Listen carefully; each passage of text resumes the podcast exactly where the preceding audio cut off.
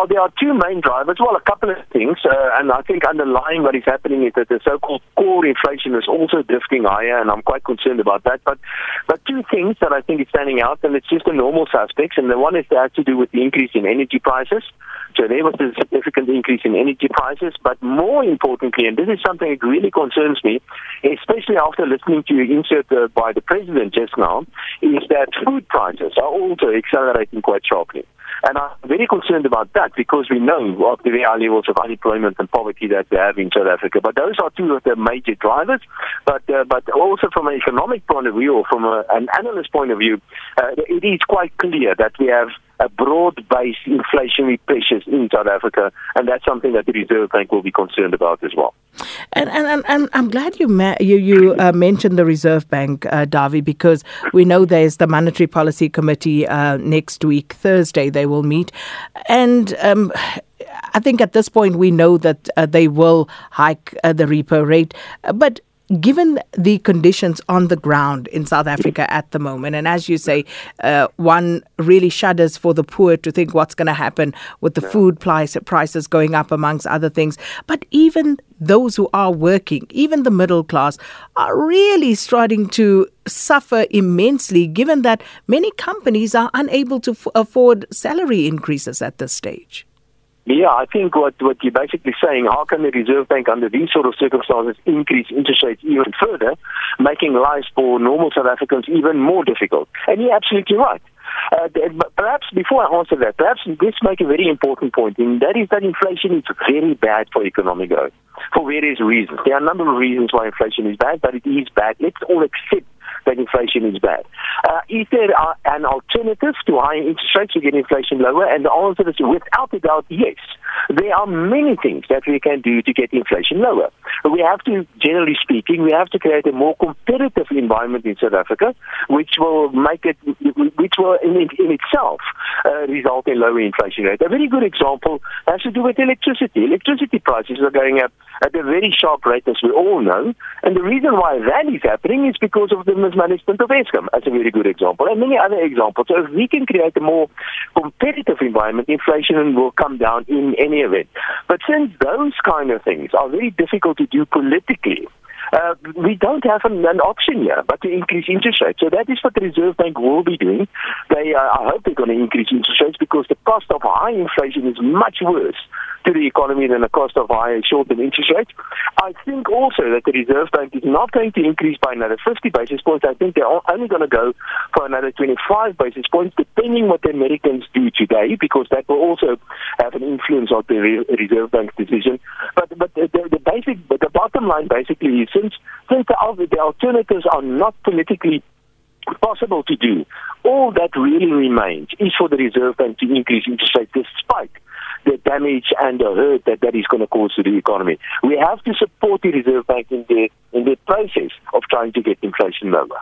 I mean, it's not good news to ordinary South Africans. You know, if you're wealthy, it's okay. Uh, this is not going to affect you. You're probably not going to see. You don't have a bond. You don't have a car note that you need to service every month. So you know that's that. Uh, but again, you look at this pool um, of middle class people everything that's going to happen now is going to hit them. The 18.65% uh, rate increase for Eskom that NERSA has granted yeah. is effective from the 1st of April. So, from the 1st of April, you're literally going to have your electricity going up depending on yeah. where you live. Uh, you're going to have to pay more on uh, your vehicle notes, you're going to pay more on your bond, and uh, you're going to pay more on food and everything else. And you got no salary increase for three years, Dawie.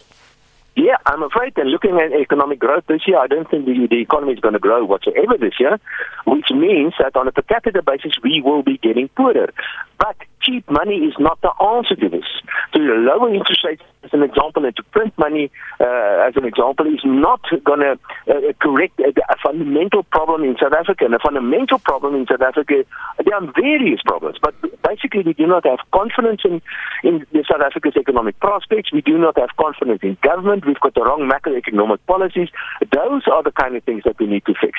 And I'm afraid don't point the finger at the Reserve Bank because the Reserve Bank is trying to fix what they can fix, and that is trying to prevent inflation from getting out of hand. But I'm afraid you're absolutely right. This is going to be a very, very tough year for South Africans, and I don't think next year is going to be much easier with weak economic growth and, and everything that goes with that. The answer in the end is that the answer to all these problems of that we have in South Africa is economic growth, and I'm afraid we're not going to have that as long as we have the kind of policies that we have currently. Let me ask the question about government spending. If government was spending effectively, would that make a difference? Of. It will make a huge difference. Let me give you one example. The biggest expense item for the Minister of Finance is education. Education takes the biggest chunk out of total government spending. The quality of education in South Africa is not only bad, it is often the worst in the world. We sometimes, um, compared to other countries in the world, we sometimes rock bottom. That is one example. There are many other examples. Look, for example, at the efficiency of, of the police, of of, of health services, of the local authorities, of the state-owned enterprises, everything. Most of these things are badly run.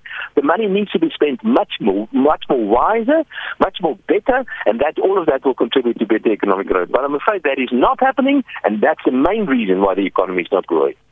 But that, of course, would help if, if government were spending on infrastructure development, for example, and, and spending effectively in that regard. Of course, we have to spend on infrastructure. The roads are falling apart. The, the, the infrastructure in South Africa is falling apart.